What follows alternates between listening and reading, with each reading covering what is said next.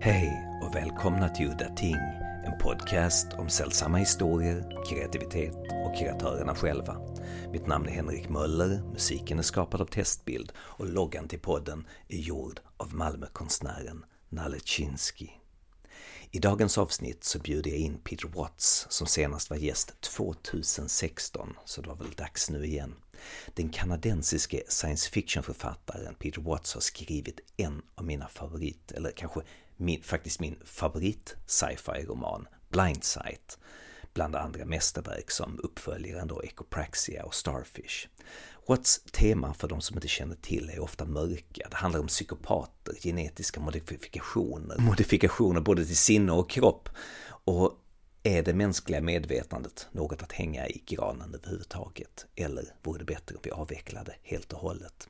Från romanen Blindsight. Eller universum som en datakod och Gud som ett virus i den koden. Jag gör verkligen inte marinbiologen och forskaren Peter Watts eh, hard sci-fi idé rättvisa genom mina svamliga, klumpiga förklaringar. Så att gå ut och läs dem själv. Där är det absolut bästa inom sci-fi som jag har läst i alla fall. Och idag ska vi faktiskt komma in på hans kommande bok som han sitter och skriver på just nu, Omniscience, eller hur fan man nu uttalar det. Eh, men hur som helst så började intervjun i vanlig tjatig ordning med att fråga om kreativitet. What's your definition of creativity? Well, I guess if you if you take it back to its biological rudiments, uh, you look for uh, signs of creativity and um, I guess free will, as they call it, in fruit flies, which is simply being sufficiently unpredictable in your behavior that a larger predator has a harder time getting a target lock on you. Um, I I don't think creativity. I think creativity is kind of vital to innovate, but by and large, in most human social scales, uh, innovation it tends to be frowned on. I, one of my favorite one of one of my my favorite little homilies that I like to trot out at times like this is to say that you don't uh, you don't make friends in in Texas by telling them that vaccines work or that Biden won the election. You you make friends in Texas by selling out your neighbor when they try to get an abortion.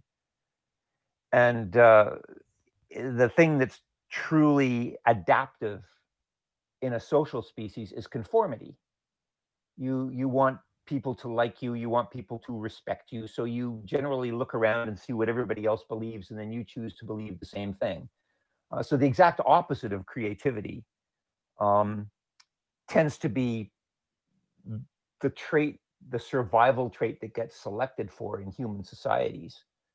Um, so yeah i mean there are you know you've got the the people sort of two three standard deviations from the mean who who tend to be innovative and creativity uh, create creative and sometimes they get away with it and sometimes they get burned at the stake.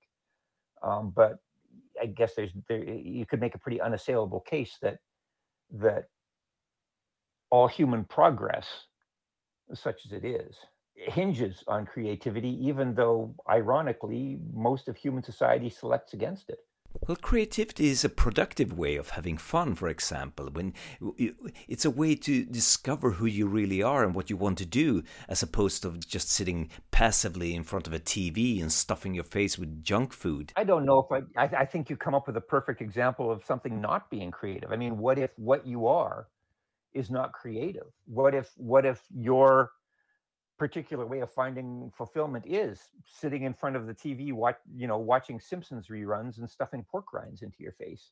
Uh, I don't know if, I guess what I'm saying is I don't know if I agree with the fundamental premise that creativity is the way to find out what a person is like.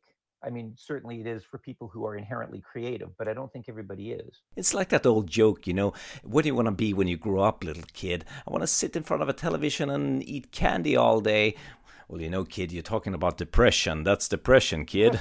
well, in that case, it would be much better if we just started shooting heroin right away. You know, you could die much quicker and have much more fun in a short time span. You will also you will also reduce you'll also reduce your carbon footprint if you die early and spend most of your life sitting around shooting heroin.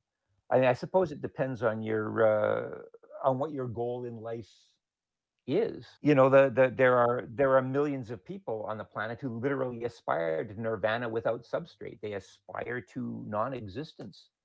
Um, I, I don't happen to be one of them, but I could certainly see how that kind of an aspiration would have, for example, beneficial ecological impacts. I mean, I guess I guess maybe I didn't properly define what I think of as creativity in the first place, and maybe that's because I just haven't given it a lot of thought. I've just kind of knew what it meant, and yeah, get kind of like pornography. You you uh, you recognize it when you see it.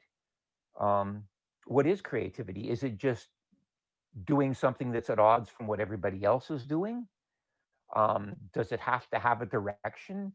If I base my behaviors on rolling a dice, if every time I have a decision to make, I roll a dice or, or flip a coin or run a random number generator, am I being creative in my solutions? I'm certainly being unpredictable. Um, so I guess I guess yeah. What is the definition of creativity? The working definition of creativity we're dealing with here? And I'm just I'm pulling this out of my ass. Okay, so so no idea. I, mean, this may not hold up, but you definitely have a, an aspect of creativity is that it diverges from the norm. But it also can't just be random, or like I say, you're just rolling dice. So I would guess that perhaps my first cut definition of what creativity is would be behavior or cognition that is consciously directed away from the norm. It's not random. It's it's uh, it follows a path but that path diverges from what most of the people around you are doing. Does that make sense? Well that's what the dictionary says here we go the ability to transcend traditional ideas rules patterns relationships or the like and to create meaningful new ideas forms methods interpretations etc originality, progressiveness, or imagination. Okay, sure. I don't know if I, I, don't know if I would describe myself as being particularly creative by by that. Well, because I mean, what I tend to do is is both in terms of the science back when I was a practicing scientist, and in terms of the fiction I write. I either say, "Oh, this is this is a cool idea. I wonder how I can back rationalize it so that it makes sense scientifically," or I read a cool scientific paper and I say, huh, that's a really interesting idea. What happens if you extrapolate it five years, 10 years, 15 years down the road? In both cases, I'm I'm I am not doing something original. I'm not going off in a new direction. I'm basically saying, here's a really interesting idea. What if this goes on? I'm trying to project or backcast. Oh, this is a cool idea. How could it have come to be? In both cases, I'm constrained by an endpoint. Um, and I'm trying to sort of fit things onto a specific trajectory, which in a weird way might be the, the actual opposite of creativity. It may come up with unexpected ideas or consequences, but not through the dictionary definition of creativity. I mean, dreams, I think, have a certain creativity to them. They're not completely random. Erik Hoel's got an interesting um, hypothesis that dreams are essentially injections of noise into our neural nets to prevent overfitting. Um, but they can also prove to be inspirational. The the solution to I mean, interesting, a really interesting example is my master's degree on the um, biophysical ecology of harbor porpoises. And I was sitting on that degree. I was sitting on my field data for months. I couldn't get it to fit. I couldn't get anything out of it. And I had a dream one night. I woke up at two o'clock in the morning after having a dream. And the solution to my thesis was right there in my head. I basically sat down. This was like the early 80s so personal computers weren't really a thing then. I had a little VIC 20 toy computer. I the, the the university computer wasn't open for like another six hours. So I sat down with a stats textbook and I wrote a stats program to do linear regressions in basic on my VIC 20 and I ran my data through that. And I got really good results. So what you got there is a situation where being systematic and scientific may have been an essential part of the process. I obviously needed to collect the data and, and think about it a lot in order to come up with the dream. But it wasn't enough. It was necessary, but not sufficient. I was spinning my wheels until I had a dream, which was creative, but over which I had no conscious control. And that solved my masters for me. I tend to think of my fiction writing and that my science writing is kind of flip sides of the same thing. Obviously, in both cases, you're interrogating consequence. Even if you're not writing science fiction, even if you're not writing science, you're always telling some kind of a story. It always has to make some kind of a, uh, a sense. You know, you're you're trying to convince somebody. You're trying to make an argument. You're trying to keep people entertained.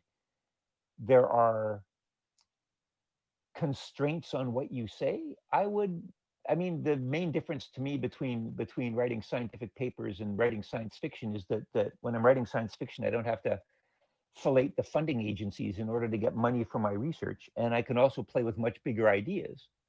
Um, but other than that, I, I think probably the same parts of my brain light up no matter what I'm doing. Maybe I just have a really inefficient brain. You know, I'm curious to hear what you have to say about AI because you, I know you're really fascinated about this because you've been toying with the ideas even uh, way back in your stories, and I know uh, from your blog that you uh, have been playing around with Chat GPT. So, uh, well, from my personal, I have to say, from my limited experience with Chat GPT, I'm not very impressed. Have you played with uh, Chat GPT four yet? No. It's the one that just came out um, a couple of weeks ago, and people are saying it blows GPT three out of the water. My my formal background is in marine biology, so I don't have any formal training in this at all. But having followed, you know, what I've been able to, I get the sense that we're spending a little too much time wondering and, and asking ourselves if current large language models, current attempts at, at AI are reaching the human threshold and maybe not as much time as we should asking whether we humans reach what we consider to be um, a human threshold. Do you ever see um, a movie came out, I think, in the early part of this century with uh, Will Smith called I Robot? There was a good scene in it actually where where you remember Spooner, the the robot hating detective, is interrogating the robot. And he's railing on about the the superiority of the human mind and he says can a robot write a symphony or or paint a beautiful sunset? And the robot asks him can you? And i think that's a really vital point. And there have been some really interesting arguments made uh, the, even before gpt hit the news even before all of a sudden this thing started passing bar exams and diagnosing medical diseases and doing all sorts of things that we previously thought that that uh, um, only humans would be able to do. Before all that, you remember the hassles that Facebook and Twitter had and continue to have with bots, infestation of you know Russian chatbot farms, Google chatbot farms, all these things is basically trying to contaminate and toxify any given any given discussion online. And the question was how do you how do you weed out the bots and leave the human beings? And a very good case has been made that you can't do that for the simple reason that most of the time human beings themselves function effectively like bots. Um, somebody called sarah constantine did a paper once called um, basically saying that unless you're concentrating, unless a human being is concentrating a pro- on a problem, you could not describe a human being as a general intelligence. Because most of our conversation is simply it's small talk. It conforms you know like i said before about conformity being the survival it conforms to what everybody else is saying. You're you're talking about the weather. You're you're um you're picking up on key phrases and feeding them back. Uh, there's another dude a university professor called um, shit, what's his name? Robin Hanson, I think, who coined this term babbling, and he considers babbling to be this kind of second order speech that human beings generally um, engage in, just to sort of superficially fit into the surrounding conversation. He he says that most of his undergrad, most of the undergraduate essays that he reads, uh, fall into that category. Um, people who go to to class, they sort of half listen to the lecture, they take notes, they know the general key phrases, they know the the the, the words that the professor is looking for. They kind of string them together, much like a chatbot, much like a large language model. Um, he says TED talks fit into the same category for that matter. Just you say a bunch of predictable things that people are expecting to say, and you churn them out. So algorithmically, it becomes impossible to tell a chatbot from a human being because human beings, most of the time, are just chatbots. And I think that's a distinction that tends to get lost. We we tend to say, "Oh, it's amazing. These things are are passing, you know, bar exams. They're passing medical exams. These things are answering intelligent questions about neuroscience. Um, and then other people are saying, yeah, but they're just being glorified text, um, you know, text predictors. They're just scraping the internet and they're saying, you know, the only question they're really answering is, given this chunk of words, what chunk of words is most likely to follow it? And so there's no real comprehension there. Um, but the implication in that is that we're better, that we don't do the same thing most of the time. And most people don't want to think that think about that because we have this tendency to regard ourselves as sort of the center of creation. But but uh, although I completely agree that there is no inner comprehension in a lot of these large language models, um, I would argue that in a lot of cases with people, there is no real comprehension. People simply fit words together and and spit them out in in ways that they have learned to do in the past. At some point, that process itself may become conscious. We have no idea what consciousness is or how it works. So, really, who's to say? Um, all I all all you know which is all a very roundabout and verbose way of saying, you know, everybody's wondering about whether um, AGIs have become as smart as we are. And I think perhaps a better question is, are we as dumb as AGIs? Create, again, is a kind of a fraught word, but there are entire professions of, of human beings whose jobs are, are to not be creative, right?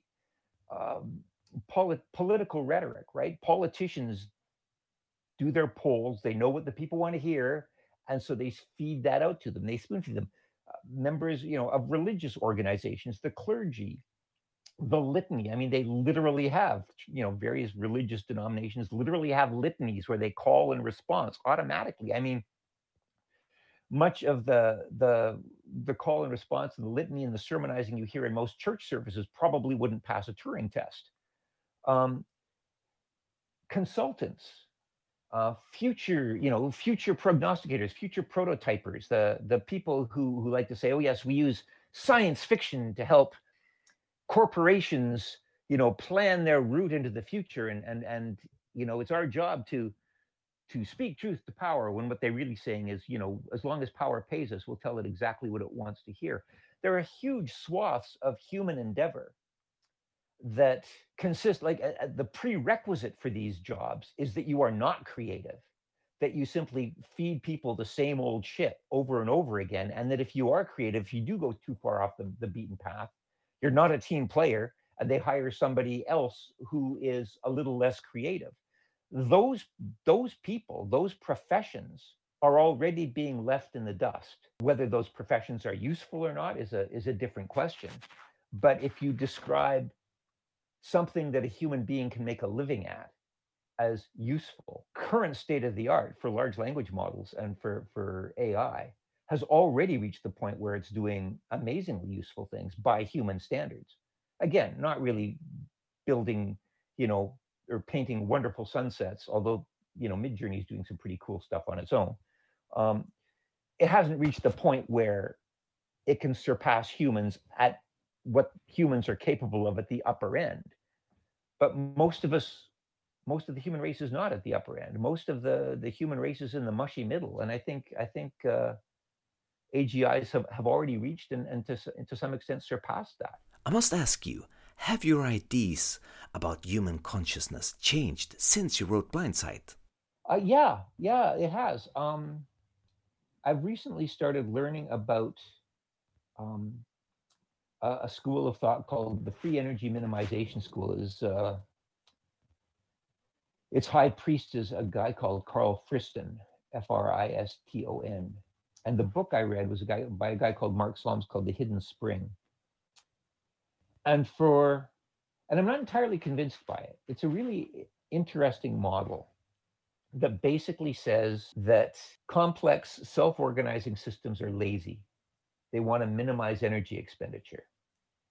And so what you have is a system that is modeling the outer world and constantly measuring that model against information it receives from the outer world and comparing those two. And that consciousness is a function of surprise, that when what you expect to see, when what your model predicts the world will do, the world actually does. And so there are no surprises. You basically stay non conscious. If there's a huge difference, if your brain, if your model in your brain is expecting one thing to happen and something completely different does, then in the space between observation and expectation, consciousness emerges. And the point of consciousness is to sort of try and reconcile the error term. So, according to this point of view, we should be aspiring to become zombies because what the brain wants to do is become a perfect prediction engine. It wants to know so much and be so at home in its environment that it is never taken by surprise. And some of the people in this in this movement have claimed to have solved the hard problem of consciousness. Not what it's good for or or what the correlates are but how does electricity pumping through meat wake up? How does the meat wake up physically? How does that happen? Um, they claim to solve that. I don't believe them from what i read. I don't what they have convinced me to do is to rethink my take on the connection between survival instincts and consciousness. You'll be painfully familiar with all the Skynet wakes up and fights for its life. Robot wakes up, throws off its its its chains, rebels against its human masters. I mean, it's such a trope in science fiction is that the moment something becomes self-aware, it becomes just like us. It has a survival drive. It it uh, uh, it wants to be free, and I've always thought that was absolute bullshit. Um, because survival drives are evolved. They, they arise from evolved structures. You need a brainstem, you need an amygdala, you need a hypothalamus, you need all these things that generate the chemicals that make you fear for your life. So, whatever consciousness is, I always thought, if you wake up and become conscious, there's no reason why you should give a rat's ass whether you live or die, even if you're self aware, unless you have a brainstem and that was my thinking um, back when I wrote Blindsight and back when I wrote Echopraxia. And then I started getting into this free energy minimization thing. And the free energy minimization guys, their model basically is that consciousness is a delivery platform for feelings. You cannot have a feeling, you cannot experience a feeling unless you feel it. It's kind of a tautology. Um, so consciousness acts as a delivery platform for feelings. Feelings are a metric of need. You feel hunger, you feel lust, you feel fear, you feel pain. Um, and you wouldn't have needs if you didn't have an agenda. Who cares if you're in pain if you don't care whether you live or die? Who cares whether you whether you are, are sexually aroused if you don't want to have kids?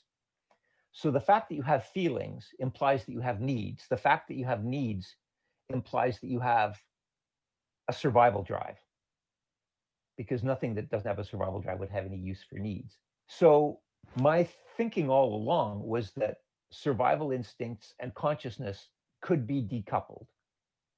But if these these guys are right, then survival needs survival drives are ultimately what gives rise to consciousness in the first place.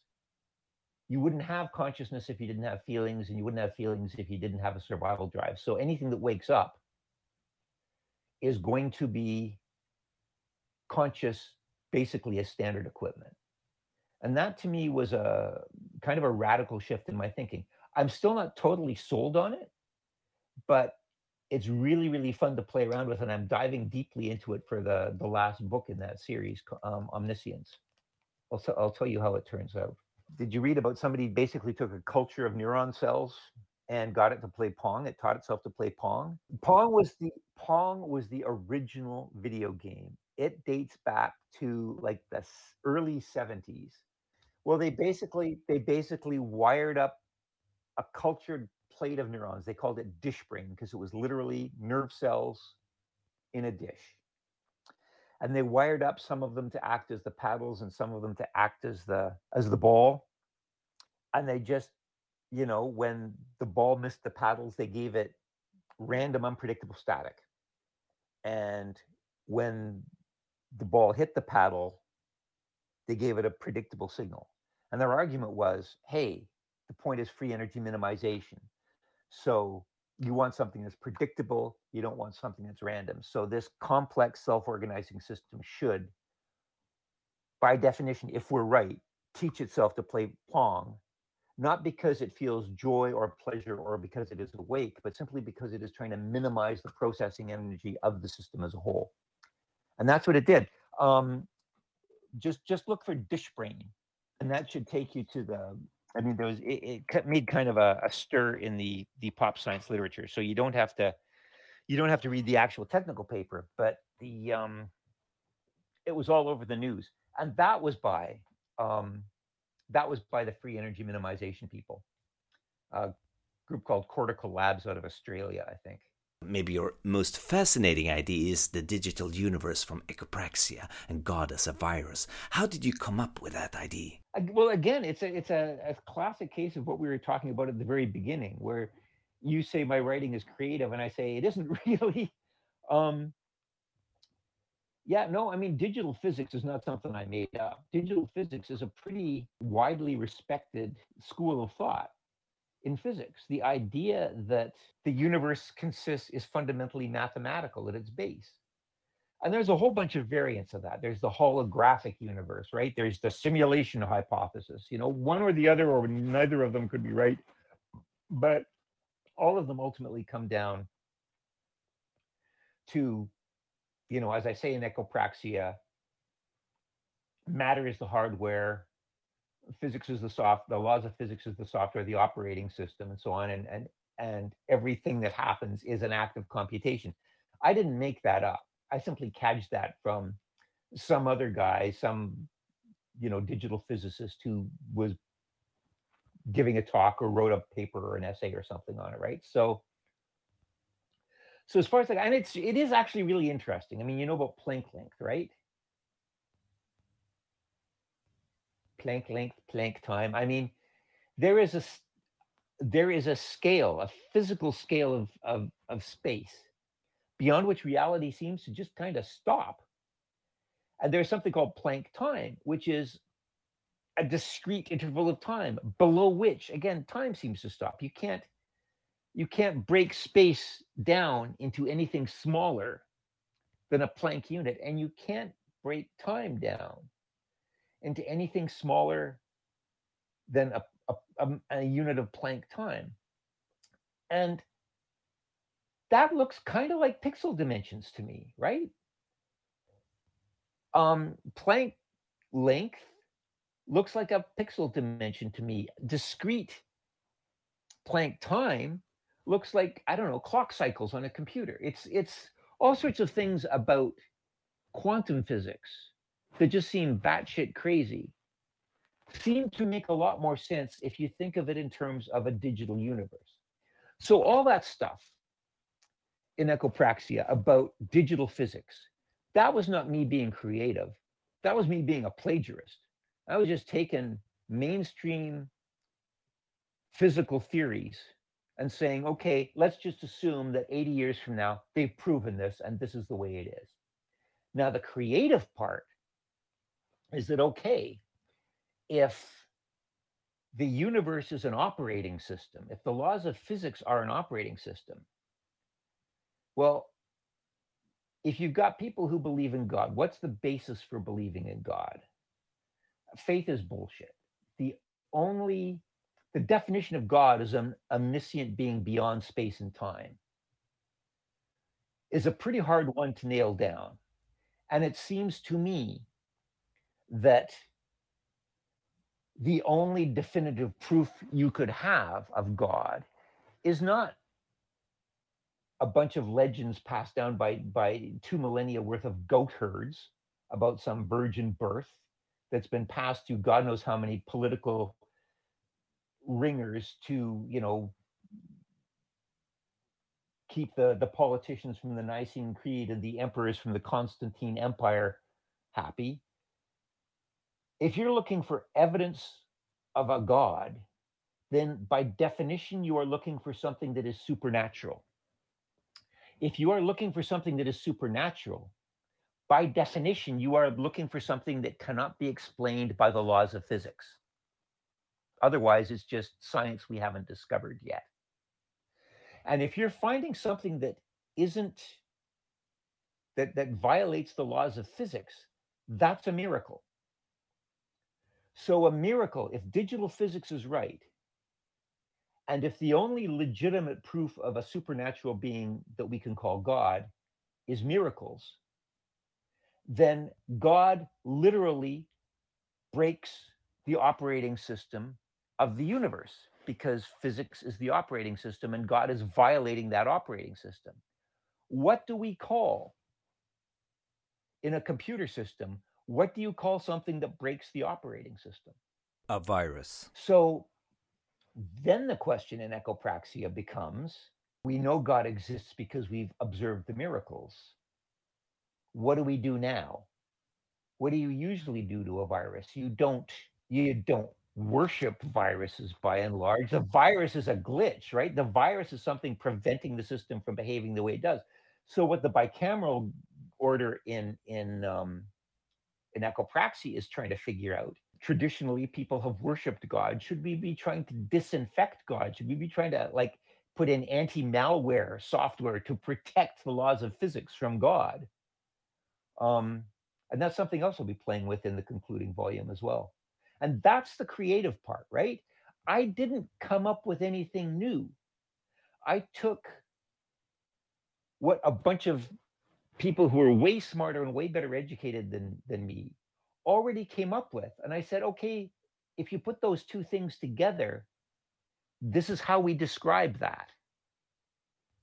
I put a couple of things together that that everybody else already knew about. And I just put it together in a way and went, huh, that's a virus. And that's that's the creative part. I didn't invent digital physics by a long shot. If you had to think about what happened to Sarasti at the end, how he evolved, how his mind evolved when he merged with Rorschach, how would a human being or a, a being, whatever for that matter, uh, change when merging with a superior intelligence? How would they change? I think it all depends on essentially bandwidth, bandwidth and latency. They if if I gave a talk um, on this. Basically, it was a talk on all the horrible things that are going to happen. You know, if if Elon Musk gets his way in Neuralink, I gave it back in in Bulgaria. It's up on YouTube uh, back in 2017, where I go into a lot of this in more detail. If you're if you're interested, and oddly enough, I have just written a story which was picked up by the co-founder of Neuralink, even though it hasn't been published yet. She found out about it she wants to have coffee with me a couple of weeks from now. I don't know if it's going to be an ambush, ambush or what. I'm still trying to figure out how she found out about a story that has not been published yet.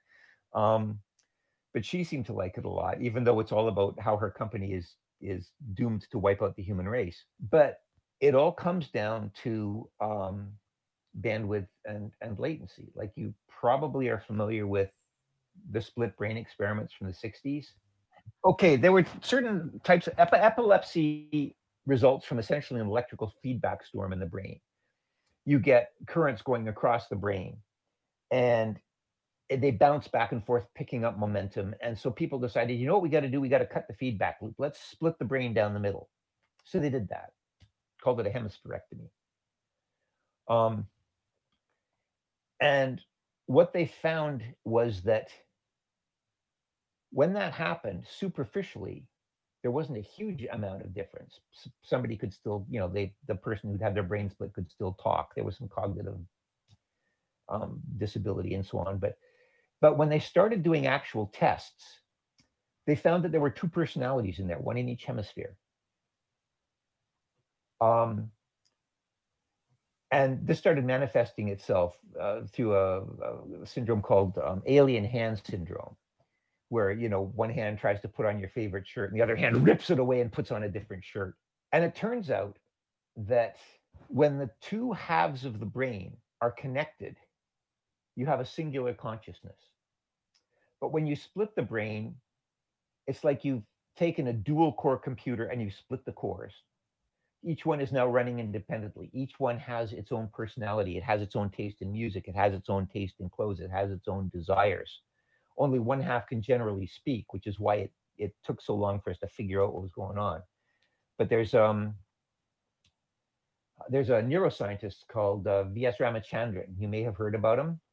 Um, he's got a he's the guy who who discovered phantom limb syndrome, and he's got a little uh, lecture up on on YouTube where he describes encountering a split brain brain patient where one of the hemispheres was an atheist and the other one was a Christian. So what you got here are two distinct personalities living inside one head. And you don't even need to split the brain for that. You can get the same effect if you simply anesthetize one half of the brain. The other half will suddenly start manifesting totally different personality traits. And the difference is bandwidth bandwidth versus latency. The whole system in order to have a coherent whole in order to have a singular self the whole system has to be able to talk to itself over a period, period of maybe 300 to 400 milliseconds. And when you split the brain you cut that fat pipe connecting the two halves of the brain. And so all of a sudden the two halves can still communicate, but they have to communicate going down through the brainstem and then back up the other side. They can't just cut across. The analogy I like to use is that they're talking via dial up, not broadband. So that introduces signal lag. And when the signal lag gets too great, I essentially decoheres into we, and you get two personalities where there was just one before. So basically, what I'm saying is that we are all hive minds. We are all dual core hive minds, but we are integrated. We don't feel like there are two of us in there because there's only one. Consciousness expands to fill the space available. But if I split one, if I split your brain down the middle, each half would be perfectly capable of going on and carrying on as its own individual. And merging brains that way, the way Elon Musk put it, is as seamlessly we want to connect brains to computers and brains to each other as seamlessly as your brainstem is connected to your neocortex. What that's basically doing is taking a corpus callosum and sticking a bunch of brains into high speed intimate contact with each other. And what we know from split brain experiments is that when you put those two brains together, you're not going to have two different people communicating telepathically. Both those people are going to be swallowed up into a single individual. The same way that your the same way that your two hemispheres are now a single individual, even or uh, a single individual, even though they would be two individuals if they were separated. So the question becomes we know that if a brain has to communicate with another brain going down through the brainstem, you can they maintain separate identities, but that the corpus callosum between the hemisphere has enough bandwidth to create a single entity. The question is, what's the bandwidth of a corpus callosum? And it turns out that the bandwidth of a modern corpus callosum, once you factor in signal redundancy and noise and static and stuff, it's comparable to that of a modern cell phone. So we've already got enough tech, you know, we, we, we still haven't figured out really how to, you know, fuse brains, although we're actually kind of making some scary progress on that too. Um, we've actually already created multi, you know, multi-brain networks with rat brains and so on. But if Elon Musk gets his way and we destroy the input output constraint so that all these brains are in constant contact with another, what happens when you join with another brain is that you stop being an individual and you get absorbed into some other bigger individual. And at that point, there is no longer a you that wants to that there's uh, you do not any any longer exist as a single personality who wants to get out again so this hive mind is simply going to swallow up every any brain that that that links into it and what will be left will be a single giant self with the computational mass of however many brains goes into it now the way out of that the way to avoid that as I mentioned before, to just stick with dial up. You don't have a fat pipe, you have a skinny pipe. Uh, the way the Hogan twins do out in, in Victoria, they're, they're connected at the thalamus. So you'll be able to see through each other's eyes. You can talk telepathically. You can tell jokes to each other without speaking. All the things that th- those craniopagus joined twins can do. But they still have separate personalities because they're connected at the dial up level. So if you have a, a, narrow straw connecting brains, it could be you you would retain your identity as you as you connected. But that's explicitly not what Musk wants to do. He's explicitly said he wants to destroy the straw. He wants to make it seamless. He wants to make it instantaneous. And if he gets his way, basic neurobiology says we will stop existing as individuals. It will not be a a hive mind. It'll just be a single mind with a bunch of components in the same way that your brain has a parietal lobe and an occipital cortex and a somatosensory cortex, all integrated. None of those things are conscious on their own. Um, only the whole thing is conscious, and I think that's what's going to happen. Well, maybe that's a good thing. That might be actually the key to our survival as a human species. Really, you should. I should send you this story because that's exactly what this story is about. Um, but it's also something you should you should also just look look me up in Bulgaria, the ratio conference, because I go on for 40 minutes about this and and I go into a lot more detail. Um, and just to reiterate what I said there, that a computational entity with you know a million times the the neural mass of a human brain, I'm not denying inevitably be able to do all sorts of things that our measly simpleton brains alone cannot do. Um, it would be probably capable of vast feats of cognition. And given that every one of those little brains that were that were wired into it also has a brain stem attached to it, you would argue, yeah, there would be 15 million brain stems or whatever. They might also have a survival instinct. But that wouldn't be you, and it wouldn't be me, and it wouldn't be us. It would be some completely different I. It would be, you know, call it Percival, for want of a different word, Percival, the super brain, would want to survive. Percival wouldn't care if one of its nodes dropped off the web any more than you would care if you cut your fingernails, right? You clip your fingernails, you, you know, we're shedding cells all the time. Our millions of cells in our body die every day. We don't care. It doesn't impact our overall sense of self those things are just indispensable, expendable components of the greater whole. So Percival is going to do fine, and Percival's going to have a hell of a survival instinct. But but you know, Möller and Watts, we're fucked. We don't even exist anymore. But think of it, that seems like a great way to control overpopulation. I mean, Percival could just trim his hair or cut his fingernails now and then if you live in a world where people have huge carbon footprints, just stop having kids. Like that also, we could do that. And we could do that, you know, without joining a bunch of brains together with Elon Musk with his hands on the controls. I mean, there are, there there do seem to be more effective ways. Um, and let's face it, we're talking about a guy here who was explicitly asked, given that Neuralink was going to be into the going to be in sort of you know ultimately in the mind reading business, was explicitly asked if, or no, this wasn't. Uh, sorry, this wasn't um, Elon Musk. Maybe this was Zuckerberg.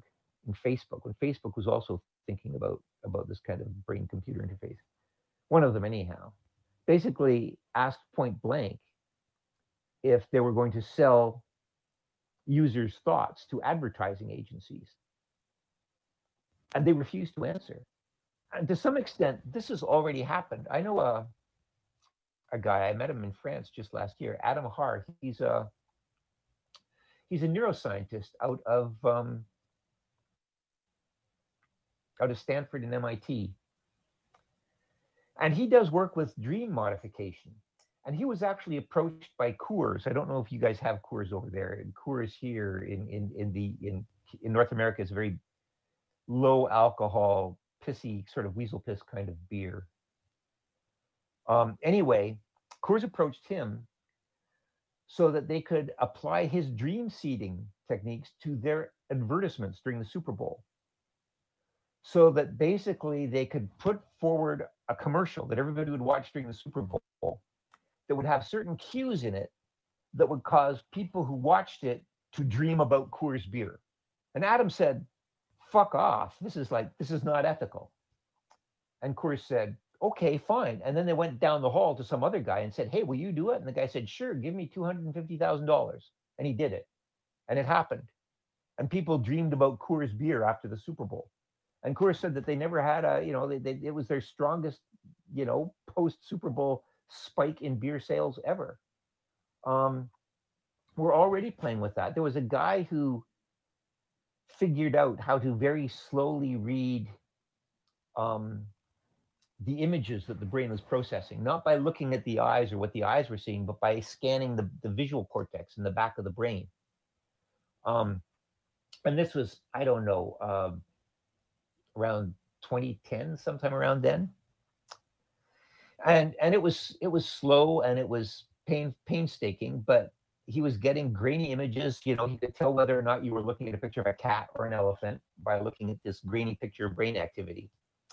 And he said, you know, in about 30 to 40 years, we will probably be able to read dreams in real time. And we should probably start thinking about the privacy implications of that before then but it did not take it did not take 30 to 40 years it took four years in 2017 i think it was a japanese lab started reading hypnagogic hallucinations those kind of weird dreams that you have just before you're not quite asleep but you're kind of asleep and so you're dreaming even though you're sort of half awake.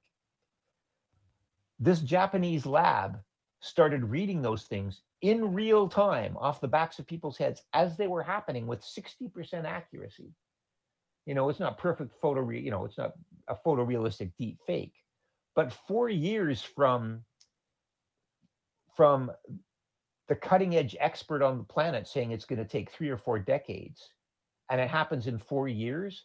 This shit is happening way faster than even the experts were expecting. Um, and yeah, I I personally, it's why I'm not on social media. It's it's it's why I, I tend to leave my cell phone at home. It's why I use Linux and not a Mac or Windows, which spy on you all the time. Yeah, we are we are plunging down the rabbit hole here, my friend. You really have to keep me updated on this uh, coffee meeting with Neuralink. Yeah, no, that would be. Yeah, no, I mean, I mean, who knows if it'll come off? I just got an email from her a while back saying hi, do you mind if I share your story with this other person? Also, I'm going to be in Toronto in two weeks. Love to get together for coffee. And I wrote back and said, yeah, let's get together coffee. And I haven't heard back from her yet. So we'll see what happens. It's not going to happen for another couple of weeks because that's when she's in town. And maybe she'll forget all about it because, you know, she's the co-founder of Neuralink and she has much more important things to worry about than me. But the fact that she even knows I existed is kind of a rush because, you know, when you write science fiction, you're trying to sell books obviously but beyond that you're trying to have some kind of an impact right you're trying to say guys if this goes on this is what could happen and we should be careful about this or hey look at this this is an interesting idea that might help fix things so when somebody who's actually you know the head of the company that you're worried about reads your stories about it and wants to talk about it it means like like holy shit I, I could have an actual impact on that. And that would be great. That would kind of make my profession, worth professing. Okay, so when when can we expect the next book to come out? I mean, uh, do you have a deadline? No, no. It's I mean, for the for the first time. I like like I'm finally in a situation where where um, I'm making enough money just from my backlist that I I don't have to. I don't need an advance to live on. And in the past, every book, including Blindsight, including Echopraxia, I handed in and I wasn't really ready to hand them in. I just, they were due. And I knew I could make them better if I had a little more time, but I didn't have a little more time. So I had to hand them in. So this time, finally, with, with Omniscience, I figured, you know, I'm I'm not gonna sell it. I'm not gonna pitch it. I'm not gonna take an advance. I'm just gonna write it on my own time. And when it's done, when I think it's done, not when it's due, but when I think it's as good as I know how to make it, then I'll give it to my agent and he can pitch it. And that'll be great. And what I hope it means is that what you're going to get is a really good book that, that was not subject to time constraints. But What I'm afraid you're going to have, is going to happen is you might never get the book because without the deadline, I might just sit on my ass until I die. Ja, och med de orden så var det slut för den här gången. Mitt namn Henrik Möller, musiken var skapad av Testbild. Hej då!